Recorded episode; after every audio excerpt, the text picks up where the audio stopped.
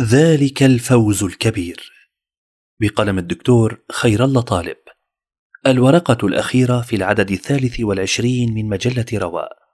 ربيع الآخر عام 1445 هجرية تشرين الثاني نوفمبر 2023 للميلاد. بعث النبي صلى الله عليه وسلم عددا من أصحابه لدعوة بعض القبائل فغدروا بقائد المجموعة فقال الصحابي المطعون الله أكبر فزت ورب الكعبة فأسلم قاتله تاثرا بكلمته العفوية الصادقة. هكذا رباه القرآن المجيد بقصة أصحاب الأخدود الذين أحرقوا بالنار لإيمانهم فحكم الله بفوزهم فوزا كبيرا لم يرد ذكره إلا في سورة البروج التي تذكرنا بفوز الغلام المؤمن الذي كان سببا في إسلام أصحاب الأخدود الذين آمنوا برب العالمين وصبروا على الحريق صابرين أنهم على الحق.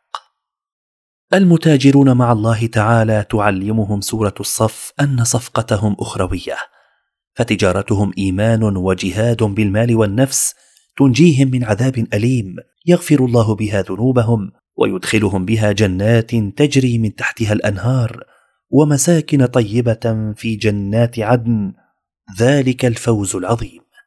مكسبهم فوز أخروي يمثل انتصارا ابديا سرمديا مع دوام استبشارهم العاجل بنصر من الله وفتح قريب. وهذا هو الظن بدوافع طوفان الأقصى الذي ابتهج له المسلمون.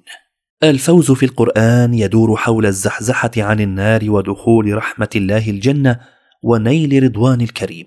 أما المنافق فلا يرى الفوز إلا في الغنيمة ولعاعه الدنيا ولا يتمنى إلا ذلك الكسب القريب. وتدور أسباب الفوز في القرآن على العمل الصالح والصدق والولاية بين المؤمنين وخشية الله وتقواه والجهاد في سبيله بالمال والنفس والصبر على الإيذاء والاستهزاء وطاعة الله ورسوله وقول السداد والوفاء بالبيعة مع الله الجليل. الفوز شيء والنصر شيء آخر. الفوز فردي جماعي سبيله الصلاح الفردي في القلب والسلوك وكلهم آتيه يوم القيامة فردا.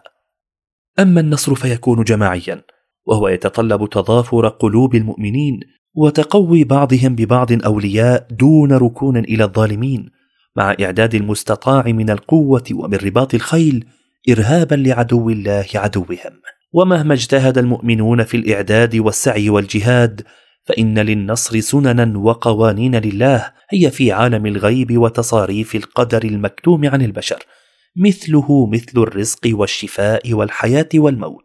وفي طريق النصر مجازر وضحايا ومعاقون ومشردون وأيتام وبائسون. أمتي هذه أمة مرحومة. ليس عليها عذاب في الآخرة عذابها في الدنيا الفتن والزلازل والقتل. أخرجه أبو داود. ومع ذلك فهي تبقى موقنة بالنصر متيقنة أن توقيته من شأن الخالق لا المخلوق وأنه محكوم بسنن الله وحكمته في مداولة الأيام وإظهار المصدقين واتخاذ الشهداء وتمحيص المؤمنين ومحق الكافرين واستبدال المعرضين. بين يدي النصر فوز معنوي عاجل يتمثل في تأييد الله عباده ودفاعه عنهم بألطافه من الربط على قلوبهم واطمئنانها بفوز الآخرة ورعب العدو ونزول السكينة ومشاركة الملائكة والتوبة على بعض الكافرين. ثم يأتي التمكين والاستخلاف بعد مسيرة طويلة تتجلى فيها الحقائق للمناوئين وتتتابع فيها صفوف المناصرين. وذلك الختام الذي يسعد به المجموع.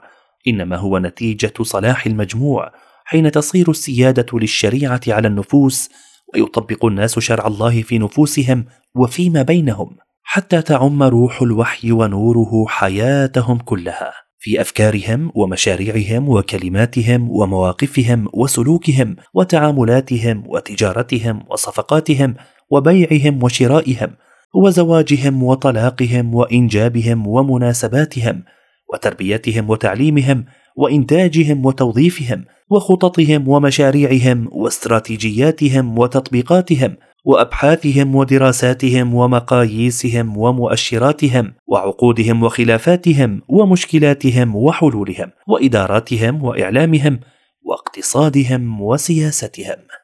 فإذا صدقوا الله فهم قطعا فائزون في الآخرة منصورون. على طريق النصر في الدنيا سائرون وإليه صائرون. في موعده المكنون وقانونه المصون. ولمثل هذا فليعمل العاملون.